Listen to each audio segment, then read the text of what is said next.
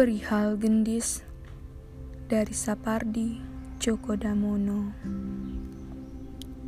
Sesungguhnya yang benar-benar aku inginkan darimu adalah ketulusan.